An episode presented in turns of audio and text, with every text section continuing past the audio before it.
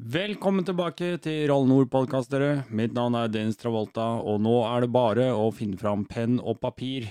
Her skal vi skrive og notere. Vi skal nemlig lage noter. Noter, ja. Sånne som eh, Johan Sebastian Bach og eh, Beethoven bare kunne drømme om å lære seg. Dette her er nemlig en roadbook-episode. Yes. Spennende.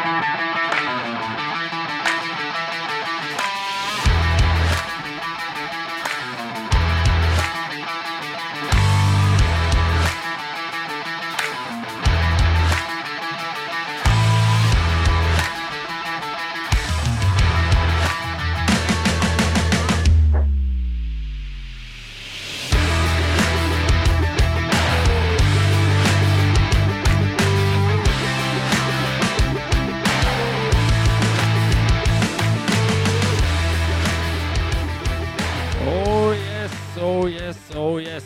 Og med den introen der igjen, så er vi tilbake i Roll i Nord podkast. Det er podkasten som starter der hvor asfalten slutter. Og det er så deilig å snakke om dagens tema og med dagens gjest, som egentlig har ligget på repertoaret i nesten et helt år. Nesten et helt år. Men i mellomtida så har vi fylt på med andre gode ting, og eh, det er ingen eh, bedre tid å ta det på enn eh, tidlig på året, rett før begivenheten vi skal snakke om.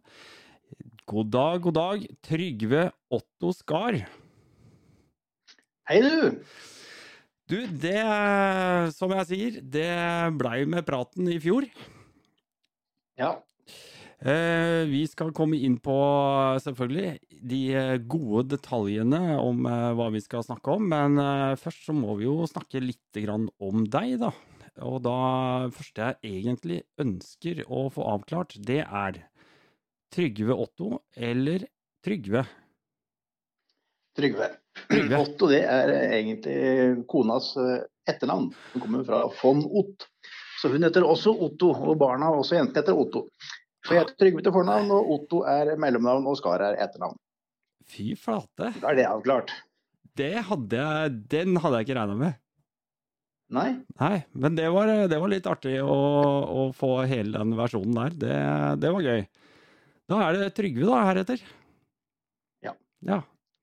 Du, Trygve, kan vi få lov til å høre litt grann? Jeg vil gjerne vite litt sånn eh, sivilstanden din. Du, eh, du er fra Østlandet et eller annet sted, i hvert fall. Begynn med det. Ja.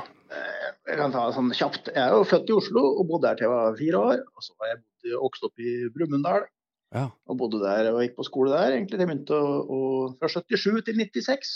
Og så har jeg bodd i Oslo og Nesodden, og nå bor jeg på Snarøya. Ja. Og så har jeg kone og to hjemmeboende barn, og så har jeg ei datter fra før som er på folkehøyskole, og en bonussønn som også er på folkehøyskole på hver sin kant. ja.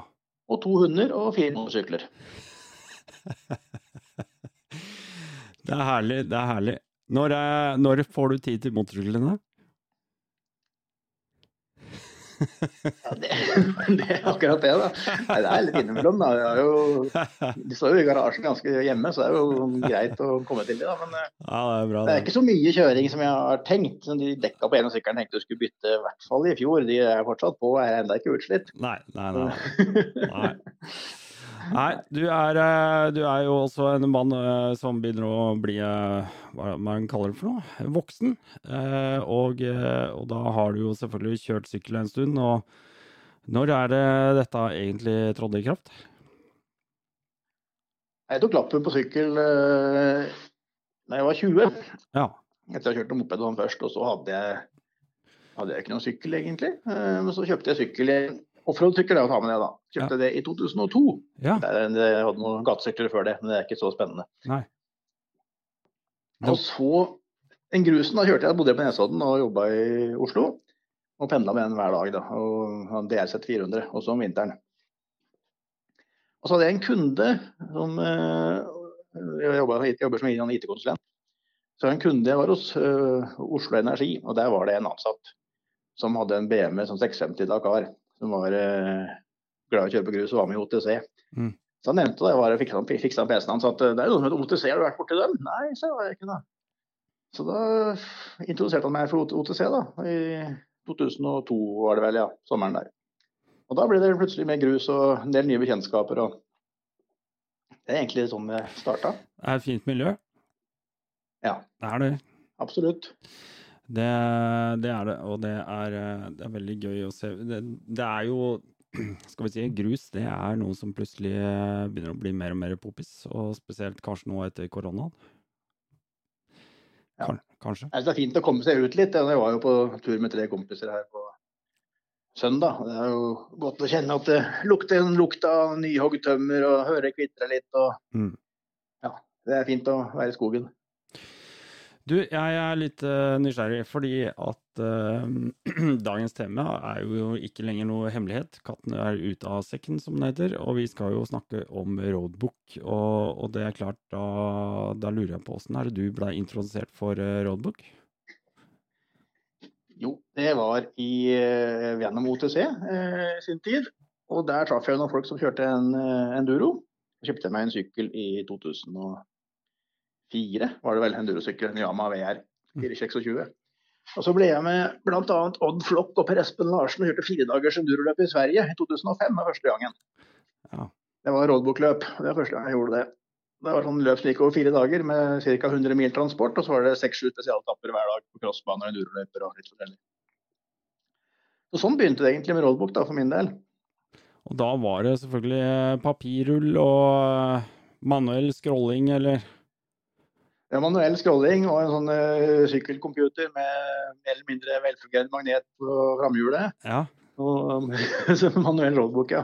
ja. Da var det å klippe og lime og seipe sammen da, og surre på. Og prøve å ikke kjøre seg altfor mye bort. det ble jo litt gærent i begynnelsen. Ja, ja, ja. kom fram. Ja, ja. Men, uh, men, på den tida der sånn, uh, var, var, det et ganske stort sånn roadbook-miljø i Sverige da? Eller? skal jeg, jeg husker ikke så godt lenger, da. Men jeg regner med det var en sånn 100, ja, 180-200 200 stykker på det løpet, da. Ja. Noe sånt, ja. Nei, jeg vet ikke om det stemmer. altså. Det er bare en sånn har, Nei, det Vi har jo det, var, det, var, noe sånt. Har jeg, har jeg liksom en sånn derre Sitter med en følelse av at uh, svenskene har vært mye bedre på dette her med motorsport enn oss i absolutt uh, alle år, og i hvert fall siden uh, 60-tallet. så har de jo rast fra og, og holdt på det. Ja. Så jeg, jeg, har en sånn følelse av at de har vært mye flinkere på det greiene der. Vi har jo hatt en bra folk, da. Sånn Basse-VM som herja rundt i sin tid. Da. Han var jo stor. Så, mm. Jannis var jo fabrikkfører i cross. Mm. Nyere, nyere tid, kan man si, enn Kenneth Gundersen. Begge Gundersen, for så vidt. Ja, ja, ja. Men uh, det, overall så er jo Sverige langt foran, ja. ja. Jeg vil si det. Mm. Mm. Ja. Nei, det er sant. Uh, var du fornøyd med VR-en? Jeg husker, ja. jeg husker, nemlig på akkurat samme tidspunkt så drev jeg også hadde litt sånn lyst på en sånn VR 425, jeg òg. Ja. Det sto mellom det, det og Husqvarna. Det gikk bra, da, men det eneste Det, det, han, det var en morsom sykkel. Den gikk uh, mer enn godt nok. Mm. det ja, ja, gjør det jo ofte. og så var det jo ikke elstart på den, det var jo kun kick. Akkurat. Og så De gangene jeg fikk sånn stopp i sånn uh, steinete uh, oppoverbakke i ur f.eks. Du skal stå da og holde ja. kløtsjen inne og dekompen og den varmtaknappen på forgasseren. Ja. Og tråkke i gang den skiten. Da hendte det var litt uh, varmt i hjelmen. Ja, det, og særlig hvis det er litt sånn langt ned på venstre sida i tillegg. Yes. Oh, den der har jeg vært med på. Og jeg kjørte Huskverna VR 250, en 2000-modell med bare kickstart, selvfølgelig. Og kjørte Husker jeg kjørte et av disse norgesløpa som gikk eh, på Lunder, på crossbanen oppå der. Det var jo en enduroløype baki der, da, men det var jo bare rullestein og snø ikke sant, om hverandre. Og, og så plutselig så fikk jeg kveling. Og, og ja. så faen, skikke i gang, da. Og så var faen ikke skiken på plass. Den var borte, ja, da mista han. Så da sto jeg der, da. Det klarer ikke å trille i gang en 250 i snø og rullebukk, altså. Det er helt umulig. Så det var liksom bare å sette sykkelen 93 og så gå ned til depot. Så sto jeg der i to minutter, og så kom det faen meg en kar. Er det noen som mangler en kickstart? En arm? Faen meg noen som hadde klart å finne den i løypa og tatt den med ned til depot. Så da fikk jeg den, da. Så det var hyggelig gjort. Ja, så gikk jeg tilbake. Da var jeg litt sånn småsur, da, for da visste jeg jo hvordan det løpet så ut. Gikk tilbake, satt den der innpå ikke sant, og bare kicka i gang. Tok av kickstarten, putta i lomma og kjørte i mål, da. Men uh, ja, kickstart er gøy. Veldig, veldig gøy. Det er gøy. Ja. Du, uh, du har, det blei Det balla på seg med roadbook uh, for deg etter det, eller? Jeg kjørte i løpet av det kjørte Hvor mange ganger var det, da? Jeg kjørte egentlig i løpet av hvert år fram til det var slutt, var det i 2000 og Om jeg tenker litt her, da. 10-11 eller sånn var siste gangen. Det, det, det, ble slutt. For det var jo sånn noen godt voksne folk da, som eh, Jeg husker ikke hva det heter, det, som arrangerte det løpet. Til inntekt for det svenske enduro juniorlandslaget eller noe sånt. Okay. Så var det noen ja, eldre ildsjeler som drev med det der, og de ble jo ett år eldre for hvert år ja. lik. Ja, ja. Og sliten etter hvert, så slutt så kasta jeg inn håndkleet. Ah. Mm. Var... Nei, så det var gøy, det. altså. Det var mange nordmenn som var med der. Det var en samme gjeng hvert år. da. Mm. Det var gøy. Mm. Og så kjørte jeg jo norgescup i enduro ellers. da. I, først i C-klassen og kjørte jeg breddeklassen etterpå som mosjonist. Da var jeg litt sånn ja, ca. midt på i den der breddeklassen. Ja. Det var greit. Ja. ja kjørte det noen år. Mm. Så det var gøy. Ja. Og så var det jo det fire dager som sommeren, og så ble det litt mer Jeg ble råd på veien òg. Jeg lagde noen uh, turer og sånt. Du lagde sjøl? Jeg lagde noe sjøl, ja. Og så var jeg med på noe hvordan, greier hvordan, uh, hvordan, gjorde du det når du starta med det? Det var, var ikke noe sånn rallyprogram eh, på nettsider og sånt noe da, eller? Nei, jeg hadde Excel. Og så var det noen i OTC som hadde laga noen fine sånne symboler og maler i Excel. Oh, ja. Så var det egentlig å kjøre og måle opp, da. Og så notere på en blokk. Og så etterpå komme hjem og finne fram PC-en med Excel på og dra opp den malen. Og så sette inn piler og kommentarer og skrive inn kilometer manuelt. Det tok jo litt tid. Så du lagde, man lagde altså notene, eller ja, på, på Excel-snurr, rett og slett? da? Excel-ark, ja. Ja. Det lå, for det lå ute på OTC hjemmesida før, de malene og sånt. Ja, ja, ja. Det kunne nesten vært morsomt å ha sånn, sånn uh, nostalgiens skyld. Men jeg har ikke sett det på settet lenger. Nei. Nei, det var litt gøy. Det, det, var ikke jeg klar over i det hele tatt. Nei. Det er for de som har sykkel med forgasser og uh, manuell, uh, manuell rådbokholder. ja.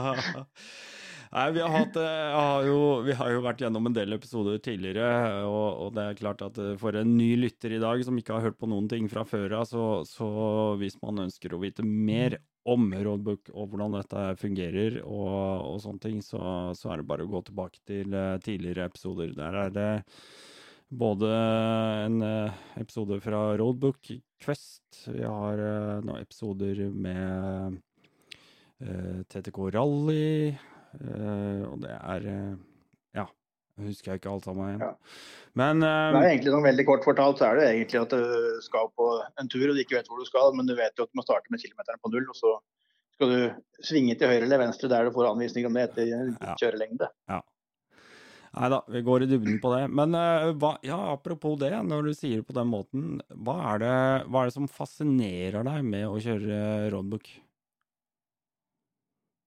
Ja, det er jo det, det er ofte fordi man ikke har lagd det sjøl, at man ikke vet hvor man skal hen. Mm. sett nye steder man ikke visste fantes. Mm. Og så er det den fascinasjonen med at man følger med og navigerer og finner fram. Mm. Det er gøy. Det er et annet aspekt med det, ikke bare se på en strek på en skjerm på en GPX-spor. Ja, for du må, du må, faktisk følge, følge, med litt. Og så er det jo morsomt hvis du kjører feil. og i hvert fall før, før du hadde tipp du kunne justere manuelt, så måtte du sitte og regne om resten av turen. Da. Åh, ja. Det er, eh, det er moro. Det er moro. Ja. Har, du, har du feilnavigert på egne roadbooks før? Mm, nei, det tror jeg ikke. Sånn der eh, plutselig kommer til et sted, og så bommer du, eller du mister en avgang eller tar av feil. Det hender jeg er litt morsom å lage roadbooker. Som er 50 meter mellom to avkjøringer f.eks. etter en lang strekke, og du kanskje skal ha den andre like den første. så er jo, Det er jo sånn jeg sitter og humrer når jeg lager det, at det her er mange som svinger her for tidlig. ikke sant? Ja, ja, ja. Så, det er de husker jeg jo sjøl. Ja, for de får du jo høre om. Ja da. du får jo det. Ja. Nei, det er, det er artig, ass. Jeg syns det er kjempekult. Det kule med det er liksom at, som du sier, da, du har kanskje ikke vært der før, og du har ikke tenkt på å dra dit før heller. Og, og noen ganger så veit du faktisk ikke hvor du er midt oppi det hele heller. For du veit egentlig Nei. ikke hvilken retning du har kjørt. Du har kanskje en viss peiling, men det, du, altså, du har liksom ikke ja, Du kjører litt uten retningssans på mange måter. Ja. Men nå har jeg jo sett noen ganger plasser, jeg har sett noen plasser at der roadwalkene kanskje går i en liten eh, runde. da, At du, skal, Ja. at du tar liksom tre høyre svinger etter hverandre og kommer så blir det en sirkel over tilbake der du starta, og så videre igjen, f.eks. Ja. Det kan jo være Ja, så blir det litt sånn, Ja, ja. sånne ting òg. At de ikke går framover, framover hele tiden. Du kanskje kjører noe av biten en gang til. Nei, det er mye, det er mye moro. Men, eh, men jeg tenker på sånn eh, Hva tenker du om eh, det å bare lage roadbook og dele blindt? Det, har du noen tanker rundt det, eller? Ja, da bør du jo holde på stedet råd å kjøre, da, først og fremst. Ja. Og hvis det er en vei som går eh, omtrent over trappa til noen, så at du kanskje ikke legger rådboken akkurat der hvis det er 50 mann som kommer, men det er kanskje greit å kjøre der eh, to-tre stykker en sjelden gang. Ja. Ta litt hensyn til grunneier og oppsittere langs veien. Jeg håper, er lurt. håper litt uh, akkurat nå, så vi, vi skal egentlig ta, komme litt mer tilbake til det. Men, eh, men eh, det er klart at eh, denne podkasten, episoden, er ingen hemmelighet. Dette dreier seg rett og slett om et eh, arrangement eh, som kalles Rally Grenseland. Eh, hvor du er eh, Ja, hva skal vi si? Hva er du? Hva kaller du deg midt oppi det? Jeg er initiativtaker, er jeg egentlig. Du er initiativtaker. Og arrangør. Og arrangør. Ja, Ja, det er det samme, for så vidt. det er jo det. Men uh, nei, det er ikke det nødvendigvis. Du har- Nei, ikke nødvendigvis. Nei, da. Jeg kunne jo delegere noe der. jeg kunne det. Rally Grenseland. eh, vi skal komme inn på, men eh, hva, hvordan oppsto Rally Grenseland? Hva var liksom tanken? Å, nå skal jeg lage Rally Grenseland. Jo, det ble egentlig litt av seg sjøl. greia var jo at jeg som sagt ble jo introdusert for OTC i 2002. Mm. Og da hadde vi et sånn eh, fint eh, forum på en webside. Mm. Da var det en svenske som het Olle et eller annet, jeg husker ikke hva han heter i farten, Mm. som hadde en tur uh, med base ved Kongskvernen i Borgvik i 2006, tror jeg det var. Mm. Da dro vi en fire-fem stykker over dit da, på høsten i oktober. Og kjørte tur der, og mye fine veier.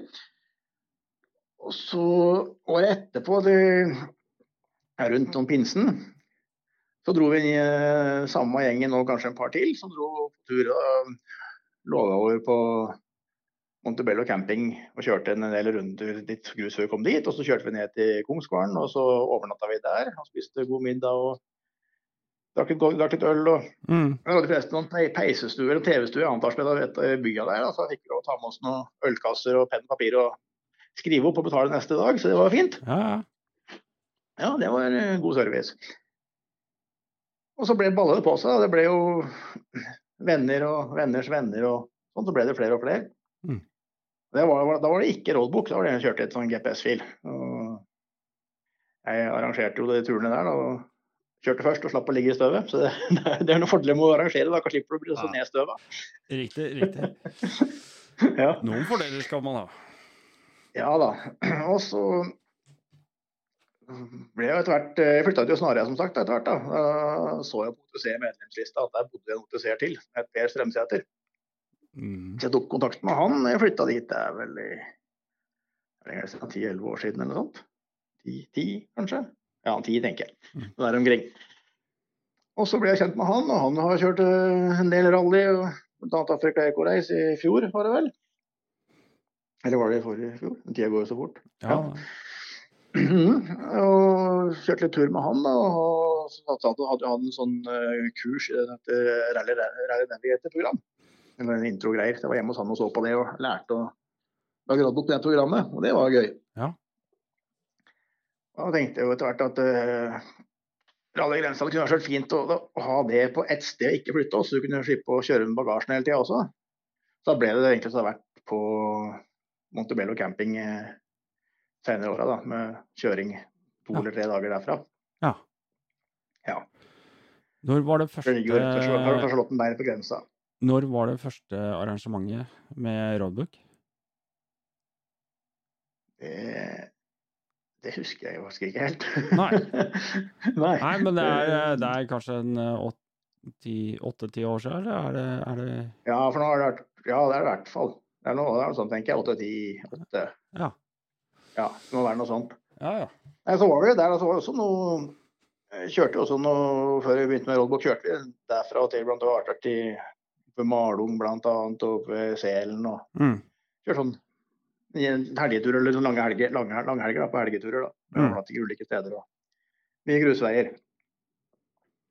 Mm, men etter hvert så har vi jo havna og vært fast på Montebello, da. Eh, og for de som ikke vet eh, det, så kan vi vel ta med det at eh, Montebello camping ligger like ved Morokulien, som ligger på grensa mot Sverige. Akkurat Morokulien er vel en, eh, faktisk en delt eh, fornøyelsespark med Sverige, er det ikke det?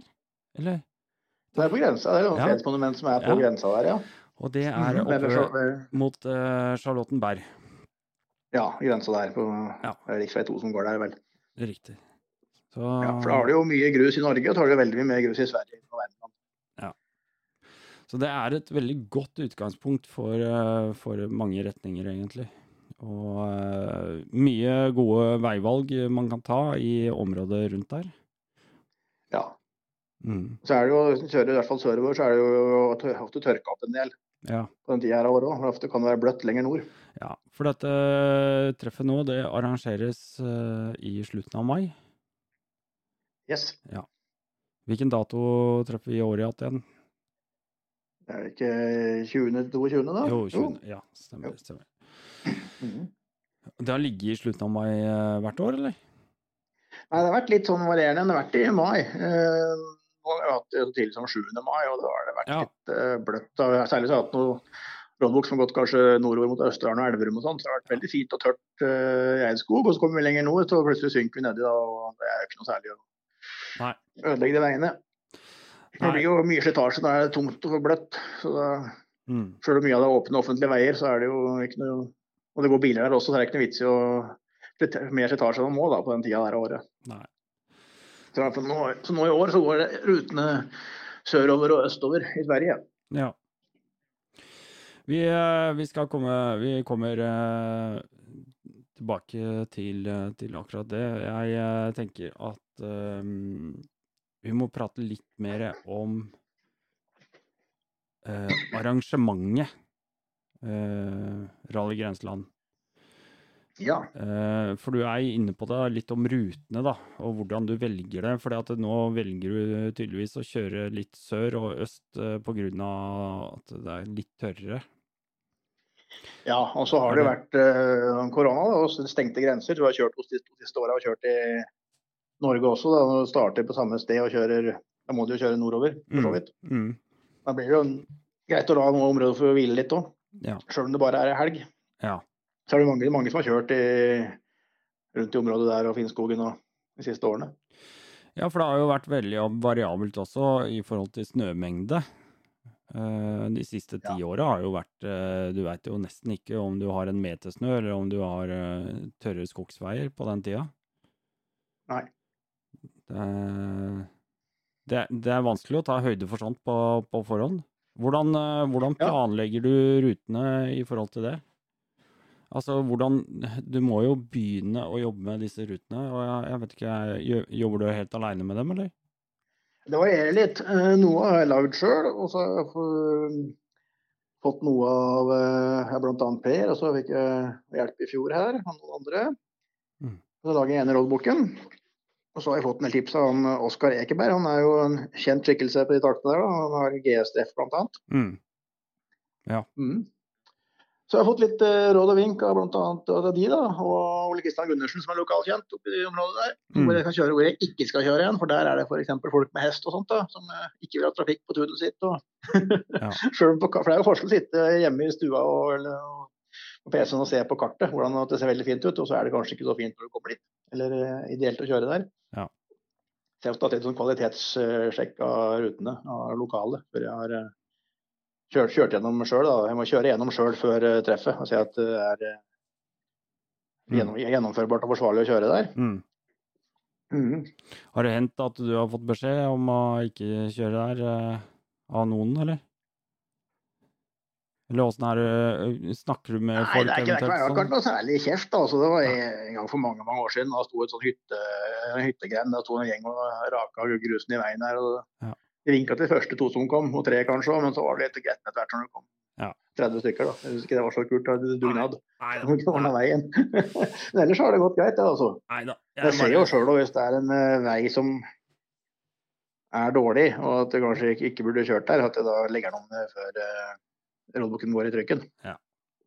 Nei, det er helt klart. Jeg veit du har åpna for Altså, vi må jo ta med det. eh, Du, dette, dette er jo i forbindelse med en uh, nettside på Facebook som heter ja. Rally Grensland. Så det er jo liksom der informasjonen blir delt og, og sånne ting.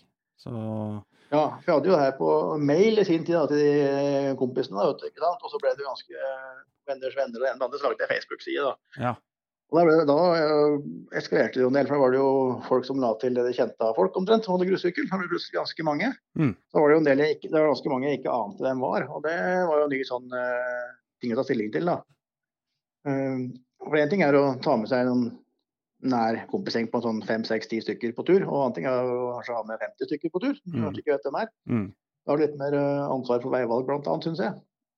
For en ting er hva jeg ser jeg på kartet, at det er en liten gjennomkjøring mellom to veier på skauen etter at det er langt fra folk, så kanskje jeg vurderer å kjøre der alene. Jeg har ikke sende 50 mann der og ha ansvar for det. Ja. Nei, det er klart. Eh, Det er sånn det er. Ja. Eh, Ja. Men, eh, men Facebook-siden, da Ja. nå, nå sitter jeg jo Jeg, jeg snakka med en kompis her i helga, faktisk. som jeg møtte i helga. Var og kjørte litt i Sverige, rundt i og mot Forsdraktene. Eh, og så sitter jeg og prater med en kar og forteller litt om eh, roadbook og sånn. Det er jo fortsatt ganske mange som eh, kjører mye grus og sånne ting, som ikke har prøvd seg på roadbook enda. Eh, jeg regner med at eh, hvert år så dukker det opp noen nye fjes på arrangementet, gjør det ikke det? Jo, Som, det er det. Som du sier. Som kanskje aldri har Ja, det kommer noen Ja, det vet jeg. Jeg får- jo ikke tid å snakke med alle, da. Sånn er det jo. Jeg skal jo kjøre sjøl òg. Ja. så, så det blir jo det. Jeg ser jo nye fjes, og det er veldig hyggelig, det. Mm. Men hvor mye jeg har kjørt før, det- det vet jeg jo ikke. Men ofte er det at det, det blir med en kompis eller noen, en kompisgjeng, og så kjører de sammen, da. Ja. Nei, Det var et år, et par, par år vi prøvde med sånn intervallstart. Vi starta liksom, ett minutt mellom hver, f.eks. Sendte det ut. ja. Da får jo fort litt mer horn i panna også. Det er kanskje ikke helt bra. Og så er det hyggelig å kjøre på tur sammen òg, men det er det navigasjonsaspektet. da. Hvis du har lyst til å navigere og utfordre deg på det, så er det jo kanskje greit å kjøre alene. Ikke kjøre bak en som har kjørt og navigert før. Ja. Ja, så det må man nesten gjøre som man vil. Det er veldig sånn Det er ikke så mye organisering. Det jeg ordner med, er å sette- jeg bestemmer dato sammen med kona kalenderen hjemme. Og så eh, publiserer jeg den og snakker med campingplassen og får reservert en, eh, det som jeg har av hytter og leiligheter og sånn der. Ja. Den helga som passer. Og så må folk booke det sjøl. Og så ordner jeg med felles grilling på kveldene. Og så skal vi ha en felles eh, middag jeg da, på en restaurant på Glasshytta spiseri, som ligger eh, 200 meter unna, campingen, på lørdagen. Mm. Og så ordner jeg rollbooker, og så får folk kjøre på eget ansvar og oppføre seg fint. Det er egentlig Jeg, jeg gjør det såpass så enkelt jeg kan, da, og at det er sånn eh, lite organisert og fritt, Ja. men lite organisert. Og det er vel kanskje greit å ha det i bakhuet, at man fortsatt er på veier som uh, trafikkregler gjelder. Ja, det er noen som sa en gang at det er ganske bra utsagn at man skal kunne møte seg sjøl på veien. Ja. Det betyr at du kan ikke komme i innersving eller yttersving sånn eh, om hverandre her og kjøre helt tulling. Da smeller det til slutt. ja. Vi har ikke hatt så mye. Du hadde jo et uhell i fjor, en som var nedpå bakken en tur, men det gikk jo greit. Så Mm. Mm. Som vil vel eh, Som vil Jeg har vært et beinbrudd, beinbrudd og slått skulder før også på en eh, par stykker, men eh, ja. sånn er det uansett. Folk er på tur om det er med roadbook eller ikke. Det skjer, det skjer i småtteri. Det er jo sånn. Og ja, det spiller ingen rolle om du er på det eller på noe annet. Eh, Folk, eh, folk eh, har uhell, og, og sånn er det jo. Så ja. jeg, som, jeg, sier det til folk som ikke kjører motorsykkel, som, eh, som liksom er litt sånn skeptiske og 'nei, er ikke dette farlig?' og alt dette. Som jeg sier, jo, det, det kan det fort være. Og det er eh, hver dag når jeg går ut og tar på meg hjelmen, så er det det er en sikkerhetsrisiko. Uansett om jeg skal til jobb eller hvor jeg skal hen, så er det en sikkerhetsrisiko. Du kommer ikke utenom det. Nei, men sånn er det jo med, med alt. Alt, alt, man, alt man gjør omtrent. Ja, ja, det er det. Så må man sette farten og risikoen etter det man syns er riktig, da, ut fra hva man sjøl har lyst til. Mm. Merket har jo dratt av veien en par ganger sjøl, så det er jo, det har jo Vi er påminnet stadig vekk både på sånn crossbane og på veien, så jeg har jo noen dårlige knær. Sånn, jeg ja. blir minnet på det hver dag når jeg skal gå og trapper og sånt. Det er jo plager med det, men det, jo, det blir glede òg, da. Før du fikk det vondtene, og etterpå, for så vidt. Ja. Nei, sånn er det jo. Um, jeg ser at uh, det, er jo, det er jo mye arbeid eh, rundt dette her. Uh, og, og, jeg vil jo si at uh, med alt det arbeidet som ligger til bak, så, så, må jeg si at det er jo et lavterskeltilbud for de som har lyst til å kjøre roadbook og være med på et så fint arrangement, da. Ja. Du har jo lagd noen rådbøker, og nå har du åpna for eller påmelding osv., og, så videre, og de bøkene er klare, og du har du tar litt betalt for de rådbøkene som blir delt ut. og Kan ikke du fortelle litt om hvordan eh, det foregår? Med betalingsbiten tenker du på, eller ja, jobben? Ja, bare sånn med jobben og alt det, liksom. Jo, jeg må jo Enten så har jeg kjørt en tur før som jeg syns er fin, da, så har jeg et GPX-spor fra mm. det med å logge av på GPS-en min. Mm. Og så må jeg importere det i det Rally Navigator-programmet. Og så må jeg, lage notene og sjekke de, og korrigere på de. Eller så må jeg tegne sitt på kart med Google Earth og flyfoto fra Finn-kart f.eks. Og mm. kikke da, og se hvor kan man kjøre her, og kan man finne noen fine gjennomkjøringer. og noen veier som ser morsomme ut. Så er det egentlig rett å klikke på kartet og lage de strekene da, som lager ruta. Og så er det jo hvert enkelt kryss man skal svinge av i. og eller hvor man ikke skal, ja, og så der er det tvil hvor man skal kjøre, og lage en note der som beskriver hvor du skal. Mm. Eh, så det er jo en del jobb. Jeg har brukt, vi har brukt ganske mye timer på det der. Ja. Sitter noen dager og kvelder og det går mye tid. med det. Ja, og så er det en han Fredrik Nilsen, OTC-er han òg, i Trondheim.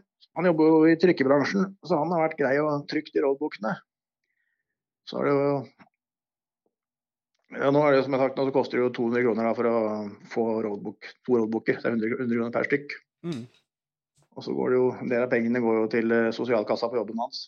Som de gjør til som de trenger der. Så det er eh, Ja, det er eh, det er ikke mye penger, mye det koster, synes jeg. Det er ikke ja, mye å sitte igjen med heller. Jeg, jeg, sånn. mener at det er et lavterskeltilbud, og det er derfor jeg sier det med, med, trykk. Fordi at eh, det er jo faktisk det det er. Og så betaler man jo da ja. for, for, den eh, campingen man skal ha, om man skal leie hytte eller bare leie en campingplass, eh, slå opp telt eller komme med vogna eller bilen eller hva som helst. Så, ja. så er det, det, er jo noe man har tatt med campingplassen hver enkelt. Det kunne jeg tenkt meg opp i. Jeg, jeg har ikke det var jo I begynnelsen så uh, tok jeg på meg en reservert plass. og alt sånt. Det er så mange og blant annet folk ikke kjenner og sånt, så har ikke lyst til å ta den bookingjobben og Nei. koordinere og ordne det der. Så det får folk ordne sjøl. Jeg bare legger til rette og sier når det er og hvor. Ja. ja. Det er helt klart. Men Så uh, syns jeg det var sånn blanding med pengene. da, det var tilbake til det. Jeg syns det er litt sånn uh, hyggelig å kunne dele og, og, gi og få og sånn, uten at det skal alt skal koste mye penger. Mm. Men, eh, og det er det der igjen at det er forskjell på å ha fem-seks og ti kompiser og kanskje 50-60 mann, eller som de kanskje ikke vet hvem alle er. Og da er det jo det er ikke så interessert å bruke my mye tid og og det er jo utgifter sjøl med programvare og lisens og sånne ting. Og mm. I hvert fall har jeg, har jeg litt for bensin, bensina mi og litt, litt for denne software-lisensen. du vet hva, jeg har, jeg har ikke noe ja, mot Jeg, jeg syns 200 kroner synes jeg var uh, det er, det er, greit. Da får jeg, får jeg iallfall dekket inn de tinga der. Og så føler jeg ikke at jeg har rana noen.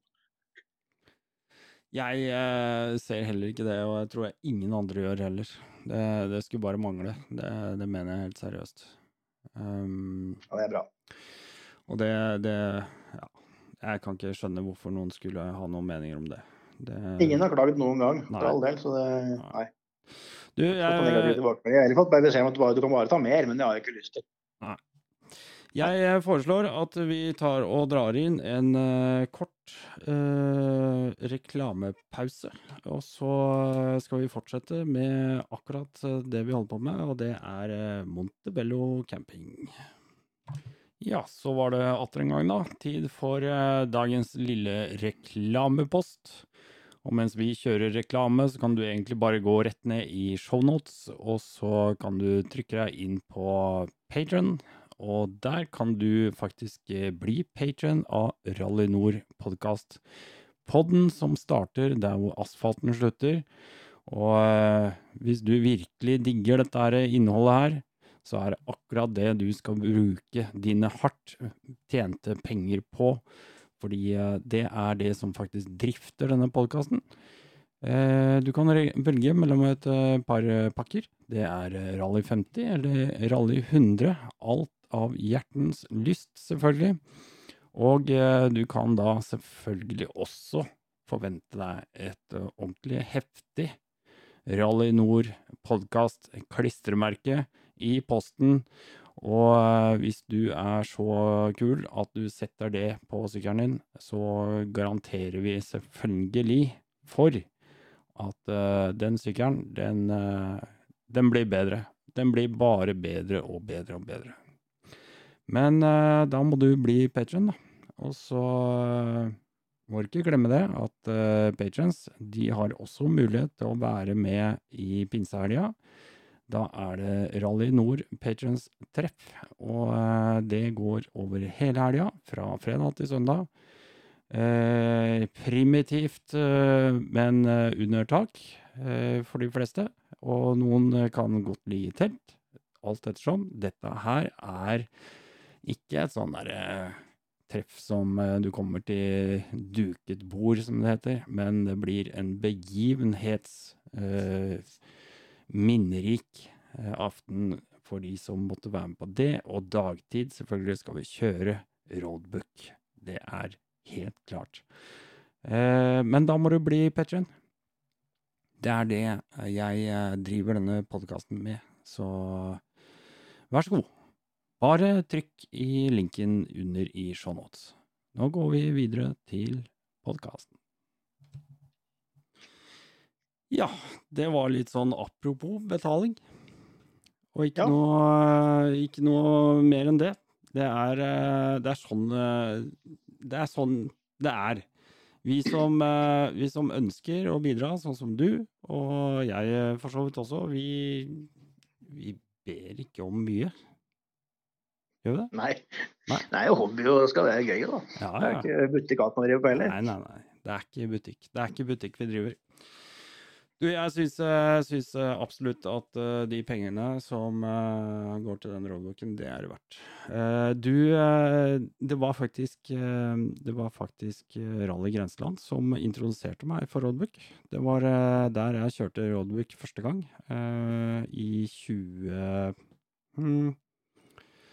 Jeg var innom treffet i 2020. Da vel å merke uten å vite hva slags treff dette var. Fordi at uh, okay. jeg, og, jeg, og, en kompis av meg, Frode, vi, uh, vi, var ute. Vi hadde tatt oss noen dager fri og skulle ut en fem-seks dager og bare følge teten og se hvor langt vi kunne kjøre før vi møtte snøen. Ja. Og uh, ja, vi kom et stykke opp vi kom opp der hvor uh, Omtrent der hvor uh, Teten krysser denne denne Neimen, i all verden.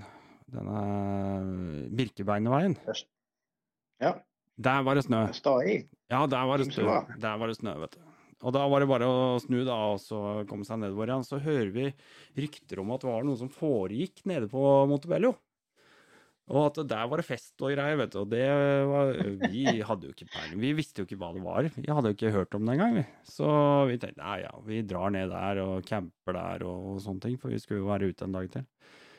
Og da, da havna vi midt oppi eh, og skjønte at dette var et roadbook-arrangement eh, som, som, vi ikke fikk vært med på da. Vi var til stede og bare campa den siste natta.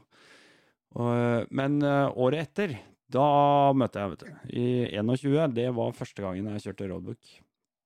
Og det syns Det var i fjor, det. Ja. Det var i fjor, ja. Og, og de som var der da, kanskje la merke til det, så var vi fire sånne Huskverna Sunderlen long ranger som sto på rekke og rad eh, midt på campingen der. Det var Eh, vakkert skue. ja, det var kult. Det var kjempegøy, og stas for oss da. Vi syntes jo det var kjempegøy, selvfølgelig. Eh, men eh, men det som var veldig gøy da, det var det at alle vi fire, eller ingen av oss fire, hadde kjørt roadbook før heller. Så vi var liksom, vi var sånn nybegynnere i alt sammen. Og, og hadde et kjempekult uh, arrangement, en god helg. Uh, det er bra. Da, altså. det, det må jeg si. Uh, og det er eh, Hva syns, Ja. ja nei, hva syns du om rutene i fjor? Du, jeg syns det var kjempegøy. Eh, vi tok det veldig piano. Eh, vi var litt sånn nybegynnere og ferske og, og liksom eh, Men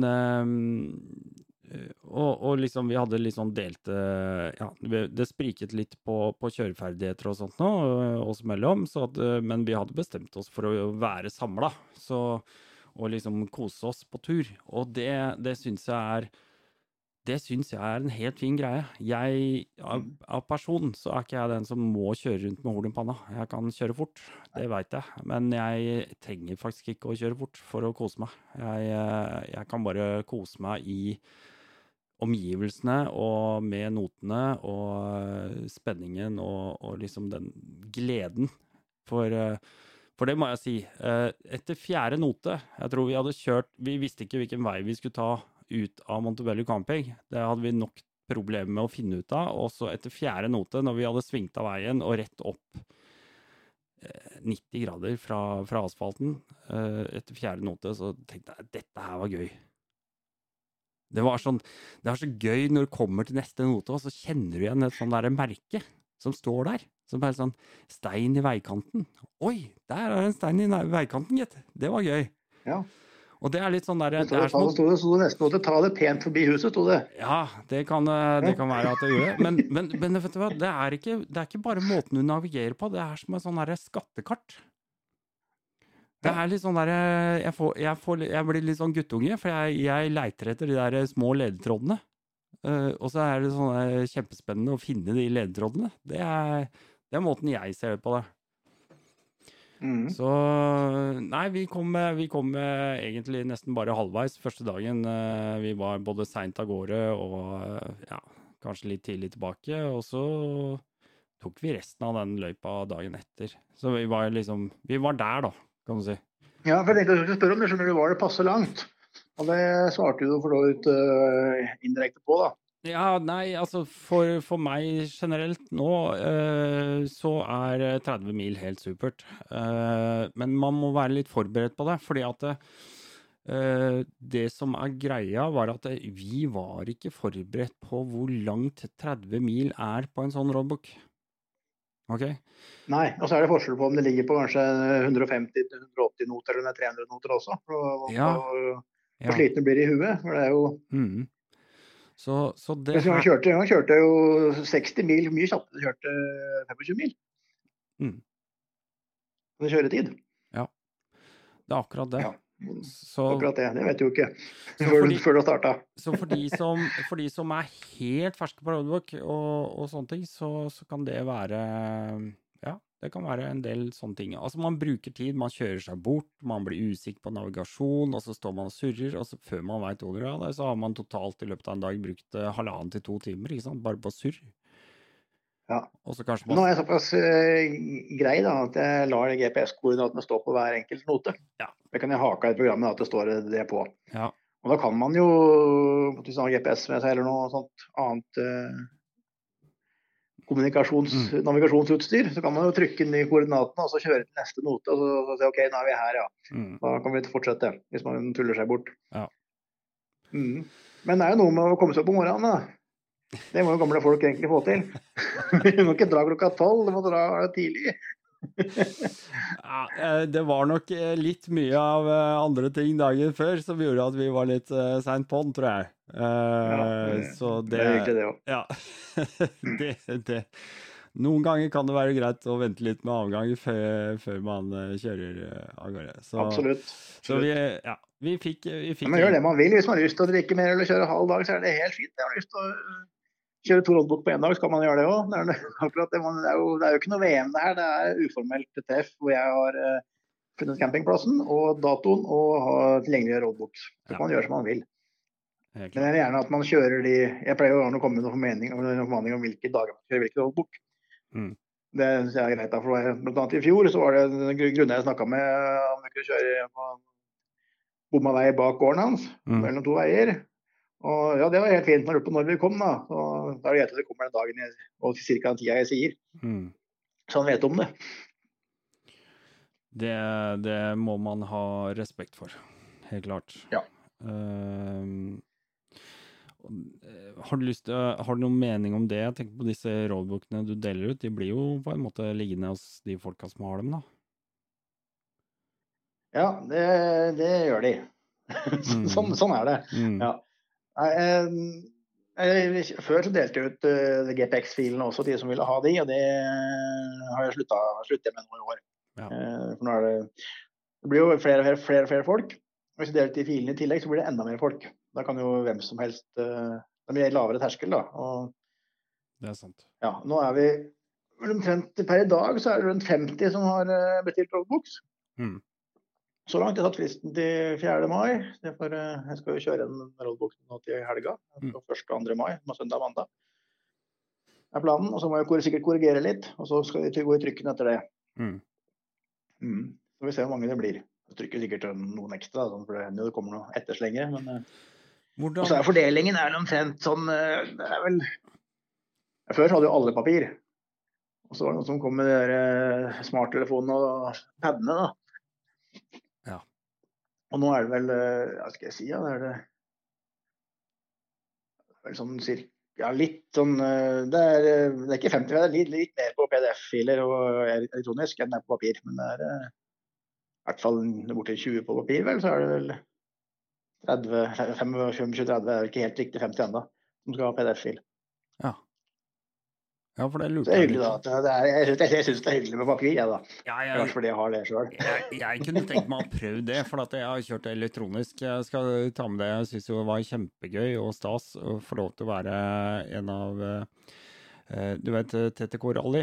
Eh, Ja, ja, det er flott med utvikling. ja, Absolutt. ja, ja. Eh, Kjetil og Thomas, eh, de, eh, de lagde jo noen eh, prototyper av eh, rallykontrolleren til eh, da, som jeg rakk å få montert. da. Og så har jeg bare en sånn eh, svær, rugged sånn Kina-telefon som jeg bruker på. Og, eh, og jeg dro av gårde, vet du. Fikk lasta inn disse her eh, rådbøkene som jeg hadde fått på, på PDF. da. Og så starter vi å kjøre, og så, så Faen, den jævla Den derre kontrollen virka jo ikke, vet du. Så jeg blei jo sittende Jeg blei sittende hele den dagen. Jeg, altså, scrolle med, med hånda. Og heldigvis så har jeg sånne hansker som, som telefonen reagerer på. Så jeg kunne liksom Ja, drive å ta av hansken, ja. Slipp å ta av hansken i tillegg, da, for det, er- da, blir du, da er du frustrert nok fra før av. Og kom tilbake på kvelden og lurte på sånn Ja, eh, Thomas og Kjetil kom bort vet du, og hadde fått oss noe øl hver og noe greier. Og så Ja, og hva syns du om kontrollen og sånn? Funker den bra og sånn? Jeg bare Nei, sorry, ass. Eller jeg kom bort til dem, så den, den virka ikke, altså. Jeg, jeg veit ikke hva det var for noe. Og de blei dritnervøse, vet du. De satt borte på hytta si. Ja, må bort og se med en gang. og så, ja, satt nøkkelen i tenninga og skrudde på, og dette er bare smeller jo sammen med en gang. For det er jo trådløst, det er jo Bluetooth, ikke sant. Det er sånn blåtann Ja. mellom kontrollen og, og telefonen med en gang. Og da begynner gutta å le, vet du. Fy faen, da føler du deg smart, vet du. Når du liksom har vært så skuffa over produktet på en måte, og så begynner de å le av deg med en gang. Ja, Da skjønner, på blåtann, eller? da, skjønner, da skjønner du at eh, du ikke har gjort det du skulle gjort, da. Nei, men du må inn i settings, da, ikke sant? Og så eh, liksom sette, gjøre settings i programmet inne på telefonen, sånn at den tar imot og gjør det de signalene sier at den skal gjøre. Det har jo ikke noe med Det feil, feil, feil i ja, altså. rett og slett en skikkelig brukerfeil. En brukerfeil. Men samtidig så var det veldig som jeg alltid gjør, da. Legger huet på blokka, jeg. Men, eh, men eh, det, er, eh, det er veldig fint. Det var en nyttig informasjon, ikke sant. For at dette her kan man jo føre videre inn i bruksanvisningen til TTK Rally når du får produktet. Så kan det jo stå Yes. det at du må gjøre sånn og sånn inn i eh, ja, navigasjonstjenesten din. da. For at disse Ja. snakke sammen på riktig måte. Så dagen etter, når jeg kjørte, så var det jo helt supert. Da funka jo alt. Og det er, Det det er jo lettvint der, da. Slipper det. Jeg må, jeg må, jeg må jo nå skal kjøre de greiene der. Gjennomkjøringa så må jeg jo printe ut det her på vanlig printer, så må jeg sitte og klippe og lime sammen eh, 20 ark da, og rulle sammen og snurre rundt på sykkelen. Ja. Så det er klart det er lettvint bare åpne en PDF-fil på en pad. Ja da. Jeg ser jo det. Det er, eh, det er lettvint. Men, eh, men eh, samtidig så, så er det vel ikke bare Det er ikke alltid fordeler heller. Uh, ting kan gå i stykker, og eh, jeg tror man kommer seg lettere videre med noe som er manuelt, eh, enn eh, noe som er elektronisk, som den greiene her. Er det, så farlig, er det så farlig, da? Det er jo ikke noe VM der, da. Det er jo en tur, da. Ja, så. OK, så knuste jeg, knuste jeg paden, da. Så får jeg bare kjøre tilbake riksveien og ta en øl istedenfor. Det er det er ikke noe krise. Nei, det er ikke noe krise. Jeg bare snakker om de små plussene og minusene. Det er Ja. ikke noe krise. Nei, jeg skulle gjerne prøvd en sånn uh, manuell roadbook en gang. Det hadde vært gøy, det òg.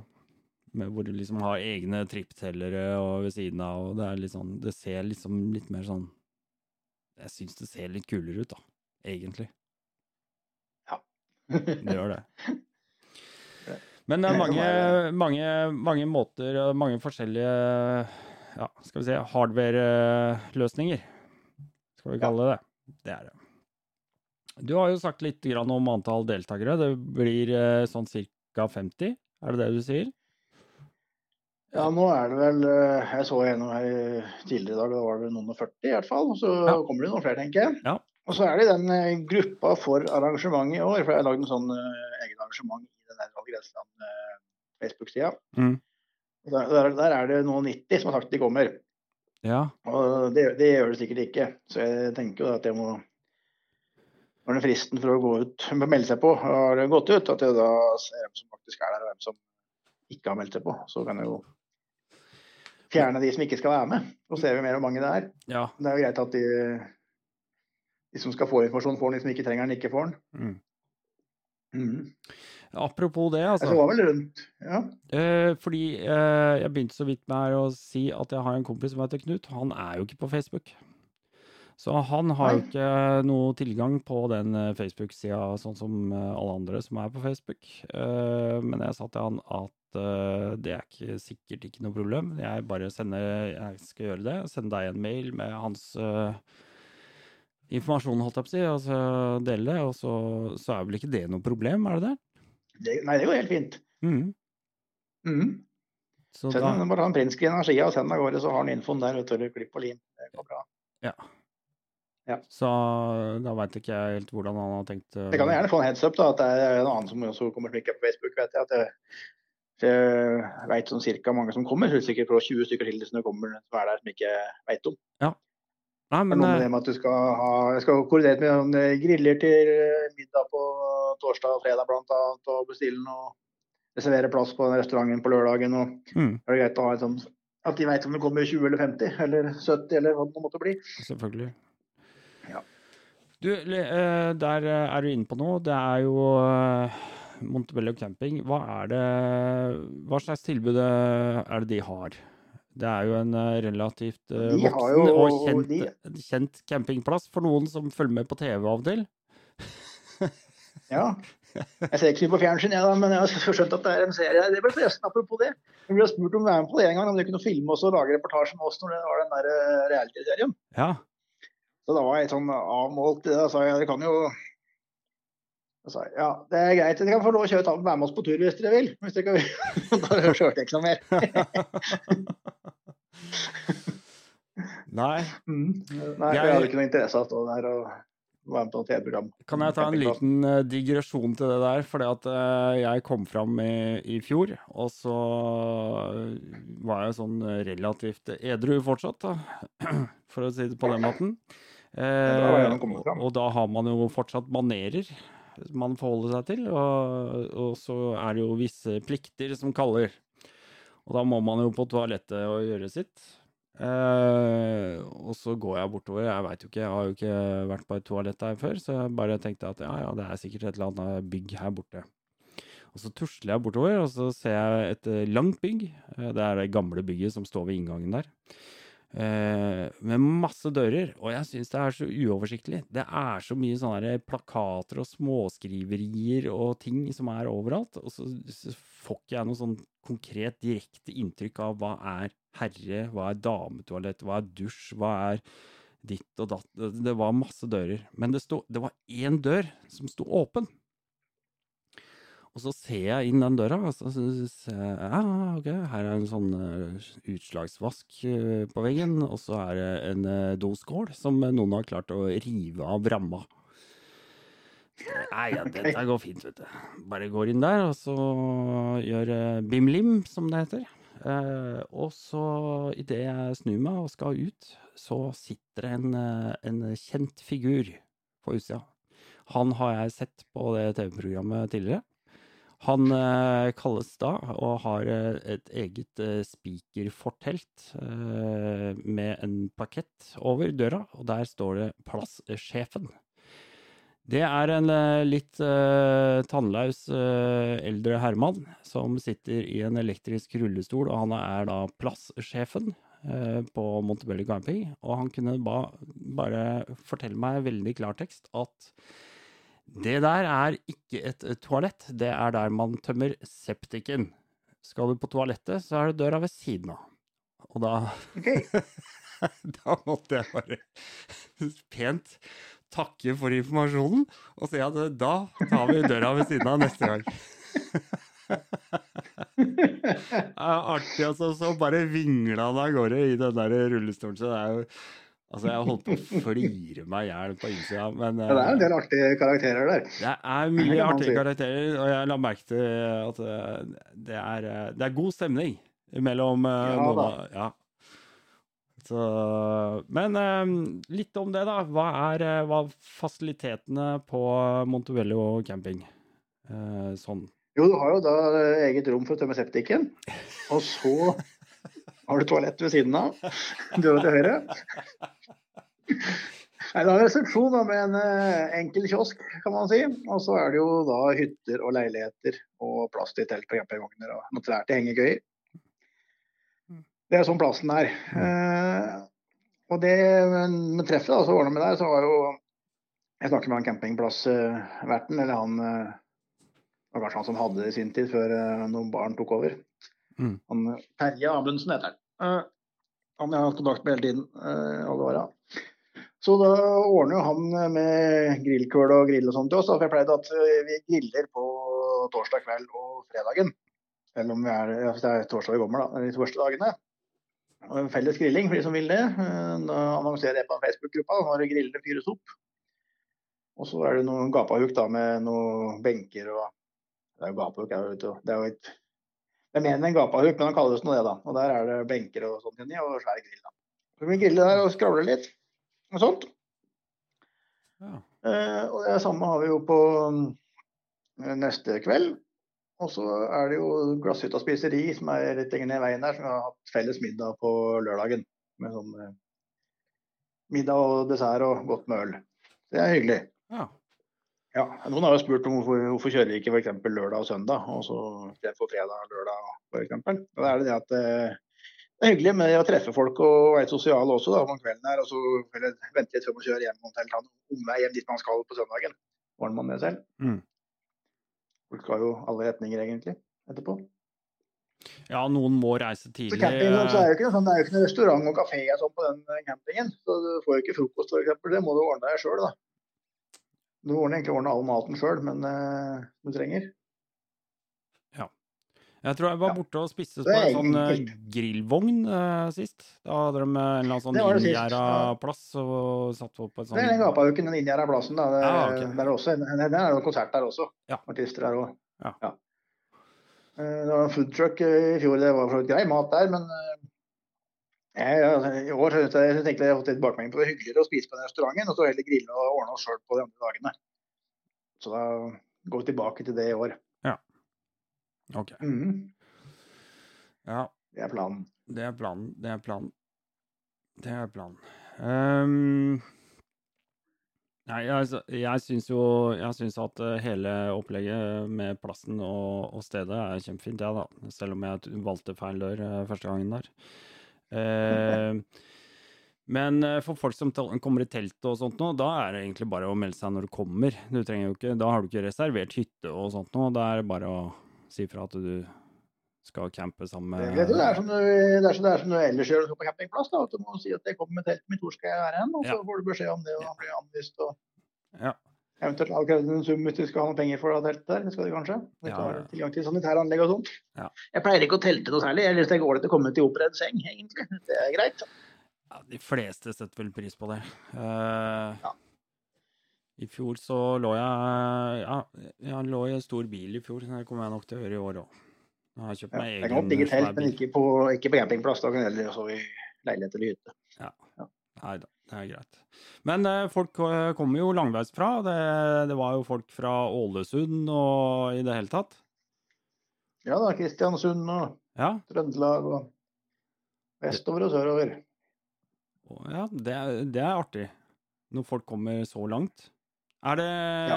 Er det noen flere som jeg, jeg, føler, jeg, føler, litt mer ansvar òg, når folk uh, tar seg fri og kommer langveisfra. Det må liksom være Jeg føler at jeg får, jeg får, jeg tror ikke jeg får noe press, men jeg føler at det er jo mer viktig at ting er bra på stell. da. At uh, ting stemmer og er ordentlig. Mm. Ja. Det er jo ikke bare at det kommer langt fram, det er at det er flere. Og, eller, det er jo liksom viktig uansett, da, men uh, det er viktigere enn såpass mange. da. Mm. At ting er i, er, er i orden. Føler du at arrangementet vokser litt på deg? Akkurat på den måten som du sier nå, at du føler litt mer ansvar. Føler du at, eh, at arrangementet vokser litt på deg? Altså... Ja, jeg føler eh, Nei, ja og nei. Eh, det er et med rutevalg og veivalg. Mm. Jeg føler at jeg har et ansvar når flere. Her er vi fem stykker på tur en fredag formiddag, så er det kanskje ikke i min bok så nøye hvor jeg kjører hvis jeg er langt fra folk og ikke plager noen. Hvis jeg ser at det går et skogsmaskinspor opp en vei flere mil fra folk, så kanskje jeg kjører skogsmaskinsporet, men jeg kan ikke nødvendigvis lage en rute som sender 50 mann innover der. Synes jeg da. Det er sånn, det er sånn moralen min, da. Man skal jo følge lover og regler og være snill og grei, men uh, det er jo lov å gjøre vurderinger òg, syns jeg, lite grann. Mm. Det gjør jeg. Ja. Og så er jeg jo tydelig på at kjøring er på eget ansvar. og synes, uh, det, kan jo være, det har vært flere episoder hvor jeg har gjennomkjøring. Jeg skal kjøre igjen ruten nå 1.2. mai, og at da er det kanskje noen bommer med å åpne. Og Så kommer vi på treffet og skal kjøre, og så er plutselig bommen stengt. Ja. ja. Hva, da, må, da må hver enkelt vurdere hva gjør jeg nå. Riktig. Og så kan vi se at Her har jo folk kjørt i grøfta forbi den bommen og kjørt videre. Det er jo en vei med grøft på hver side og toppdekk, innkjørt oppdekk og alt som skal til for at det skal være en vei, som også har blitt kjørt gjennom gjennomkjøringa. Men nå er bommen stengt av en eller annen grunn. da. Og Da må folk faktisk gjøre den vurderinga selv. Skal jeg legge inn eh, koordinater til neste note på GPS-en og se på kartet mitt på Google Maps f.eks. hvor er det her er og så kommer jeg med dit, eller skal jeg følge ruta og ta det valget og stå for de konsekvensene eventuelt det måtte være. Mm. Sånn blir det. Jeg, kan, jeg, har ikke mulighet til å kjøre opp dit hver dag før treff, eller dagen før treff og kjøre gjennom ruta en gang til. Nei. Eller om morgenen før andre starter. Det går ikke. Nei, det er jo litt sånn. Det er sånn. Og dette er jo ikke en konkurranse. Det er eh, ikke det i det hele tatt. Så Nei. finn heller den omveien, da, så får man eh, komme tilbake et ja. annet sted på ruta. Ja. Det går an. Det går an. Det går an. Mm. Nei, for det er jo Ja, nei, man må egentlig vurdere sjøl, da. Være voksen og ta en vurdering og ta ansvar for egne valg. Mm. Mm. Jeg føler jo også det at uh, man har litt ansvar i forhold til de som kommer bak deg. Ja. Uh, min, dette er jo bare min personlige mening, uh, men jeg tenker liksom sånn at hvis du er av den typen som ligger i 120 gjennom et gårdstun Uten DB-killer med sladd og ja. vissefingeren, ja. ja. Så, så, blir du, så, så, blir ikke du tatt for det av de som bor der, eller hører til den gården. Det er ikke du som blir tatt, det er bare alle de andre bak deg. Og... Ja, eller kanskje nummer to og tre og fem kommer, så kanskje da kanskje vi bonden mer lei etter hvert. For eksempel, ja, ja, ikke sant. Ja. Så, så, jeg føler jo det at man har et felles ansvar, da. Det er jo min mening om det. Ja, det var som jeg var inne på tidligere her òg, at jeg snakka om at vi kjørte jo tur og så kom vi ut et sted det var dugnad på noe hyttefelt med to, sto ti stykker og rakte i veien og kjørte på noe grus og sånt. Ja. De vinka jo fint i de par første, men så den vinkelhånda ble mer og mer lukka jo flere flere som kom. Ja. ja. Og jeg, Knyttet neven til slutt. jeg var faktisk en av de som ble stoppa der av en kar med motorsag. Husker han det, eller? Det er Huskverna-pøbla, vet du, de som kjører huskvern. Ja, det er det. Det er det. Nei da, men det var litt sånn eh, akkurat eh, bare sånn eh, Man har ansvar. Man har ansvar. Ja, man har det. Man har det. Man må være Senk, ser du folk og dyr og andre ting langs veien, så senk farten. og Vink og smil inn i hjelmen og ta det veldig pent. Det kommer noe bak deg. og Neste gang er det du som kommer som nummer eh, 30 av, av ifølge, f.eks. Ja. La meg bare Ja. si det, så, så, da. så gjerne rull over tunet og så vent gjerne 100 meter eller tre før du gir gass igjen. og Ikke, ikke spinn all den grusen på veien inn på tunet de setter på når de gir gass ut av svingen. Rundt hjørnet over hjørnet, liksom. Nei. Vent lite grann. Jeg er helt enig. Og jeg må bare få påpeke det, da. Hvis noen misforsto det, så var det ikke på grunn Jeg ble ikke stoppa av en kar med motorsag i hånda bare fordi at jeg kjørte som en gris. Jeg ble stoppa fordi at det, det var noen andre som hadde kjørt gris før meg. Bare så det er sagt. Ja, sånn er det alltid. Det er aldri vi som gjør noe gærent, det er alltid de andre som kjører først. Ja, men, det, var... Ja, men det, er med, det er noe med at du modnes med alder nå. Da. Jeg husker jo det er en liten digresjon her da. Jeg husker en gang jeg kjørte en tur eh, gjennom eh, tidligere Østfold og mot, eh, og mot Sverige, den veien der som kom mot Tøksfors. Da var det en grusvei der. Og så kom jeg da i godt driv og god sladd da, i en sånn eh, venstresving. Her sto det et hus da i høyresida av veien der, ikke sant? og da hagla det sikkert bukk inn på grusplassen til Ja. den karen der. da. Ja. Og Så kom jeg tilbake etterpå og stoppa meg og så kjefta på meg. ikke sant? Da var jeg, jeg vet ikke hvor gammel jeg var. Jeg var, ikke så, jeg var vesentlig yngre enn jeg er nå. Da klarte jeg å lire av meg at det er så dumt å sette huset i yttersving, så må du ha det så godt, liksom. At det er ikke helt riktig tilnærming. Det det er jo ikke sånn man skal oppføre seg, da. Og Han det er lov ha å yttersving utapå. Han sa ikke noe mer, da. Men eh, det er jo ikke helt eh, ålreit å si at uh, når det er så dumt å ha hus så må du regne med å få pukk på hele gårdsplassen. Det er jo ikke sånn det skal være. Så sånn har jeg slutta med, da. Nå skal jeg prøve å ta litt pent. Ja. Åh. Men det er jo en del andre som er unge og lovende, da, som har horn i panna. ikke sant? Så er det bare å snakke til at uh, ta det litt pent. Nei, jeg har blitt såpass gammel, så jeg tar det som en tur. Det, det er helt greit. Det er helt greit. Og så skjønner man jo hvor man faktisk kan gi på, da, etter hvert. Sånn er det jo. Uten å gå mer inn på det. Uh, dette er ikke en uh, skjennepreken til noen, bare så det er sagt. Nei. Eh, jeg eh, fikk jo vann på mølla etter eh, fjorårets eh, arrangement av Rally Grensland, så jeg eh, banka inn hos eh, kona at eh, jeg må ha én uke, altså en hel uke, syv dager, egen tid. Og så banka jeg gjennom hele rally... Nei, um, Roadbook eh, Sør-Norge på sju dager. Ja. Det var Det- aleine, og det var så sinnssykt kult. Så Det er bra. Jeg har ikke fått kjørt det, egentlig. Jeg har laget, bidratt til noen ruter her, da, men jeg har ikke fått eh, Ja. kjørt så mye av det. Kjørt litt, da, men ikke alt. Ja.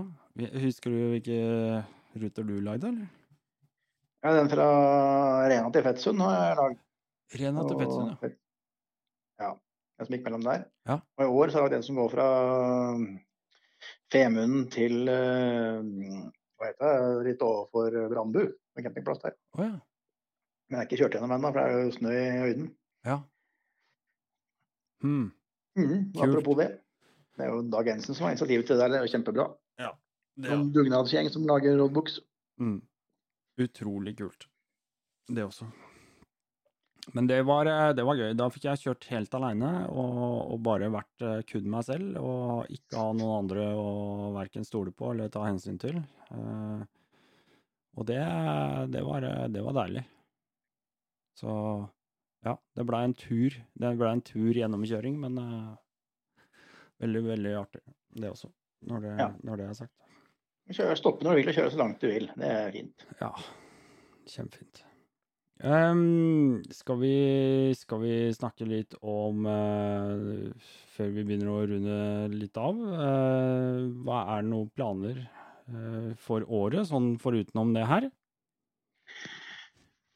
For min egen del, tenker du på? Ja. Ja, nei, det er jo Bukkerittet, da. Det er jo en sånn årlig begivenhet. Mm. Der var jeg jo første gang i 2003, var, nei, 2004 var jeg første gang i Bukkerittet. 2004. Så jeg har vært der hvert år utenom ett år da dattera mi ble født en uke før. Mm. Eh, Hva var det da? 2011? Ja. Ja. Mhm, jeg har vært der hvert år, da. Så det skal jeg på i år også.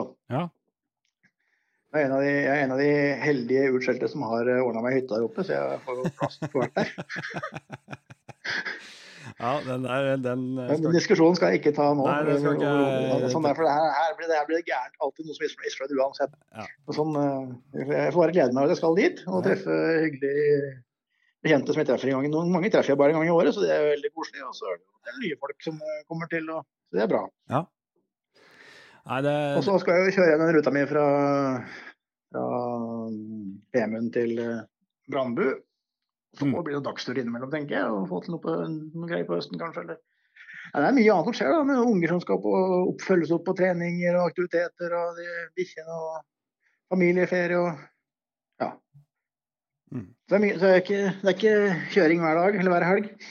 Nei, det var derfor jeg lurte på om du fikk tid. Det vil jeg ikke prioritere. Det er derfor jeg lurte på om du fikk tid til de fire syklene du har stående i garasjen, eller om det Ja, den ene kjører jeg, vet du. Ja, forresten, jeg var med i Norsk Motorsykkelklubb, avdeling motorsport. Jeg sitter i styret der. Hva da? Som, Hva sa du nå? Nå eh, falt ut. Du falt ut litt. Nei, jeg tar, jeg tar det en gang til. Jeg Ja. i styret i Norsk veteranmotorsykkelklubb, avdeling for motorsport. Ah, Og der er jeg med sånn endurokontakt. Så jeg er med å arrangere novemberløpet, som er sånn veteranenduroløp, da. Som går i oktober. Heter novemberløpet, men det går i oktober. Nå er det Siste året har vært samarbeidet med Moss MC-klubb. Men da har jeg en sånn eh, E81-modell, sånn Yamaha IT465, som jeg bruker å delta med der. da. mm. Luftkjølt totakter. Det er jo en morsom maskin. Så den har jeg jo startet opp en ukes tid før det løpet og ser at den virker. Og så bruker jeg den da, og så vasker jeg den og så sprayer på litt sånn CLC eller VD40, og så står den i garasjen igjen da til neste år. Ja, men det er gøy, da.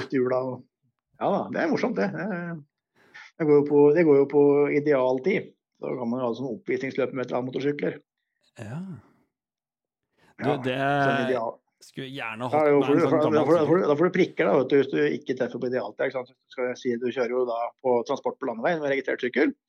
Og så kommer du kanskje til en crossbane eller jord eller noe sånt, så er bånda på ei løype på, og så kjører du den løypa på idealtid. Og hvis du bommer på den idealtida, så får du tilleggsprikker. Det er som mest med færrest, færrest prikker da, som vinner, da.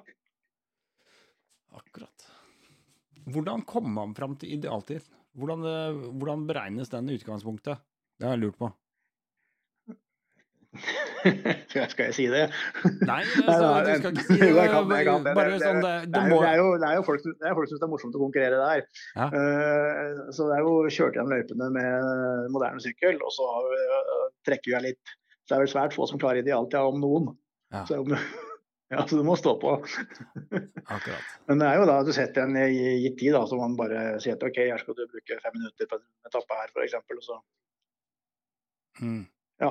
Du kjører gjennom først, og så ser du ca. hvor lang tid du bruker, og så kan du eventuelt uh, ta den tida litt- trekke deg litt til. Skjønner. Men sånn eh, organ organisatorisk så er det jo enklere å ha det sånn oppvisningsløp med et annet sykkel i alltid enn å ha et løp. Da er jeg med. Da er jeg med. Ja. Ja. Eh, Sånn er det. Noen andre ting som du må få gjort i år? Nei, det er egentlig ikke det, da. Nei, Det skjer jo Nei, noe stadig vekk. Det er jo alltid noen Ja kompiser da, som skal ut og kjøre, og det er jo, man har det jo gøy uansett.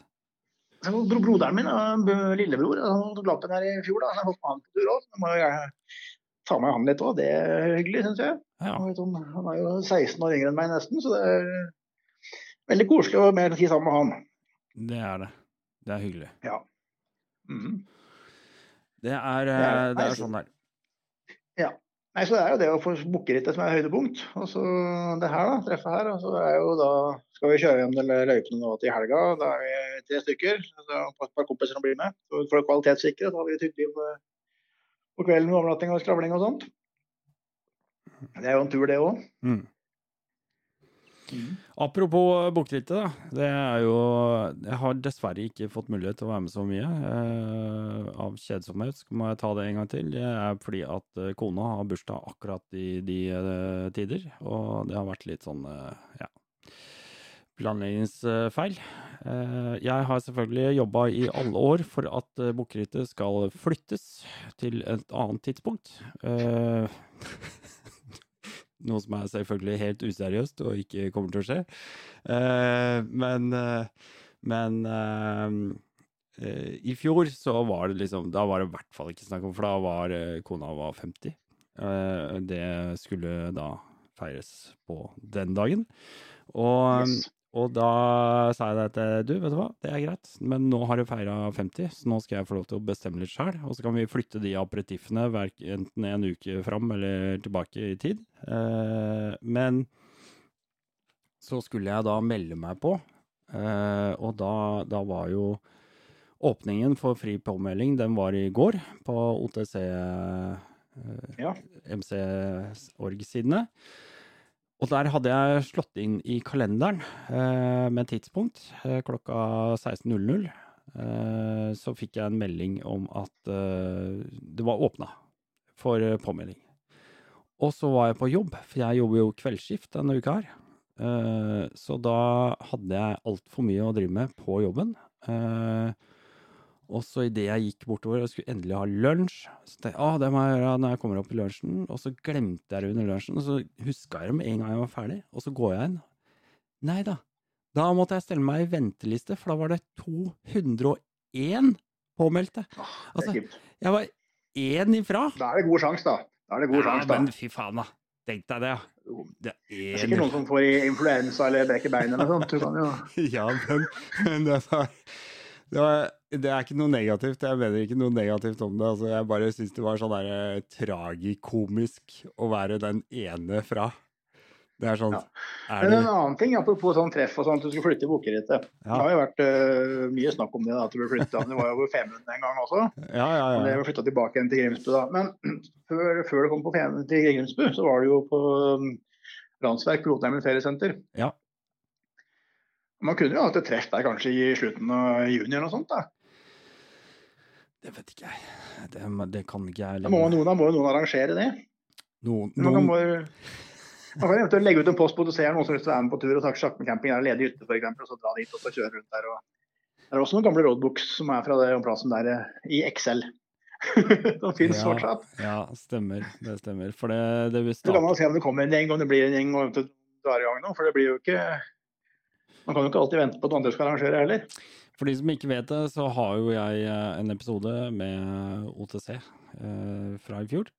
Som ligger tilgjengelig. Der kan dere høre alt om eh, OTC sin eh, oppstandelse og historie fram til dags dato omtrent. Eh, og få med dere litt av hvordan dette oppsto, og hva det egentlig var, og hvor det har vært, og hvordan ting har tatt form etter hvert, og hva det er i dag. Når det gjelder uh, for øvrig andre, uh, kjøre andre treff, så tror jeg man kan uh, fint gjøre det hvis man har lyst til det, men ikke sikkert det at det er et OTC-treff, men det kan jo være et treff som Offroad-treff. Et offroad-treff generelt, som, som andre ja. kan arrangere. Det, det er jo alltid hyggelig hvis noen gjør det. Det er, eh, det er, bra for miljøet, det er bra egentlig generelt, og kanskje ha Kanskje det hadde vært eh, fint å hatt litt flere, litt mindre treff, eh, som gjør at man eh, sprer nedslagsfeltet litt, grann, og fordeler tidspunktene litt, grann, og eh, at man ikke gjør de store marktrykkene som det ofte blir. Da. Ja. På, på, de største treffene. Men, eh, men dette var bare løse tanker fra min side, og ikke noe mer enn det. Eh, det Det må bli opp til hver enkelt å finne ut. Mm. Du, jeg syns, uh, syns, dette har vært informativt, og jeg må jo si det at uh, jeg kommer jo på, selvfølgelig, på Rally Grenseland i år også. Det er veldig bra. og da skal jeg sørge for at min Rally TT-kontroller TTK rallykontroller, mener jeg. Den er eh, godt justert eh, og innafor til å kjøre roadbooks. Og skal til og med prøve å stå opp litt tidligere på lørdag. Um, Ja. Det gleder jeg meg til. Eh, og da skal jeg også ha med litt eh, Selvfølgelig må jeg ha med litt utstyr. Snakke med litt folk. Ta litt sånn eh, tempen i leiren, som det kalles. Det, det blir en uformell og trivelig samtale, så vær så snill. Hvis du absolutt ikke vil på podkast, så bare gi meg en sånn lite hint. Men, eh, men det kan hende at eh, hvis du har lyst til å prate med meg, så kan du også prate med meg. Det er, det er sånn det er. Hva tenker du om det? Det høres fint ut, det. Ja. Og jeg regner med at Ja. vi også prates da. Det gjør vi, helt sikkert. Du, vet du hva? Det er egentlig bare å bare ønske folk velkommen. Ja, at de bare melder seg på og få på gode dekk og komme. Ja. Altså, de rutene i år, da, sånn kjapt om de det ene går jo sånn, skal vi ta, eh, sånn der avsløring her, det ene går jo til eh, Kongskvernen i Borgvik. Mhm. Det er jo et sted som jeg har et godt forhold til, for så vidt. Da hadde jo forresten han tidligere eieren bilde av seg sjøl som kjørte Novemberkåsan på veggen i restauranten. Ah, Eh, og så eh, Ja, så ene ruta går dit. Den er på 38 mil, er det vel? Så du kan ikke dra klokka tolv, du må dra ni. Og så den andre dagen kjører vi til Sunne. Og det er en uh, kortere tur i distanse, men uh, sikkert like lang tur i tid. mm. Mm. Det blir Så det blir bra. Så den lengste er på 380 km. 186 så var det sist jeg slapp på. Da er det, om korrigeringer. da er det bare å komme seg opp om morgenen. Er det på fredagen, eller er det på lørdagen? Det kommer jeg tilbake til. Å ja. Ja, selvfølgelig. Ja. Nei, men det er helt ok. Det var ikke meninga å mm. dra noe mer ut av det. Jeg har ikke helt bestemt ennå, rett og slett. Jeg må se litt. Ja. Nei, men det er fint. Eh, jeg gleder meg skikkelig til å komme tilbake og hilse på plasssjefen. Eh, Ja. Bare sørg for at uh, du oppfører deg skikkelig ordentlig når han er i nærheten, for han uh, kommer til å gi deg uh, en reprimande, eller hvis du slipper lett unna med bare kun tilsnakk, så, så er du heldig. Jeg gleder meg veldig til å se deg igjen, og alle andre som skal dit. Og da er det bare å takke for samtalen. Jo, takk sjøl. Vi fortsetter et lite øyeblikk etter musikken, men uh, sjalabais til deg, Trygve. Yes, ha det bra. Og velkommen, velkommen og kjør morsomt.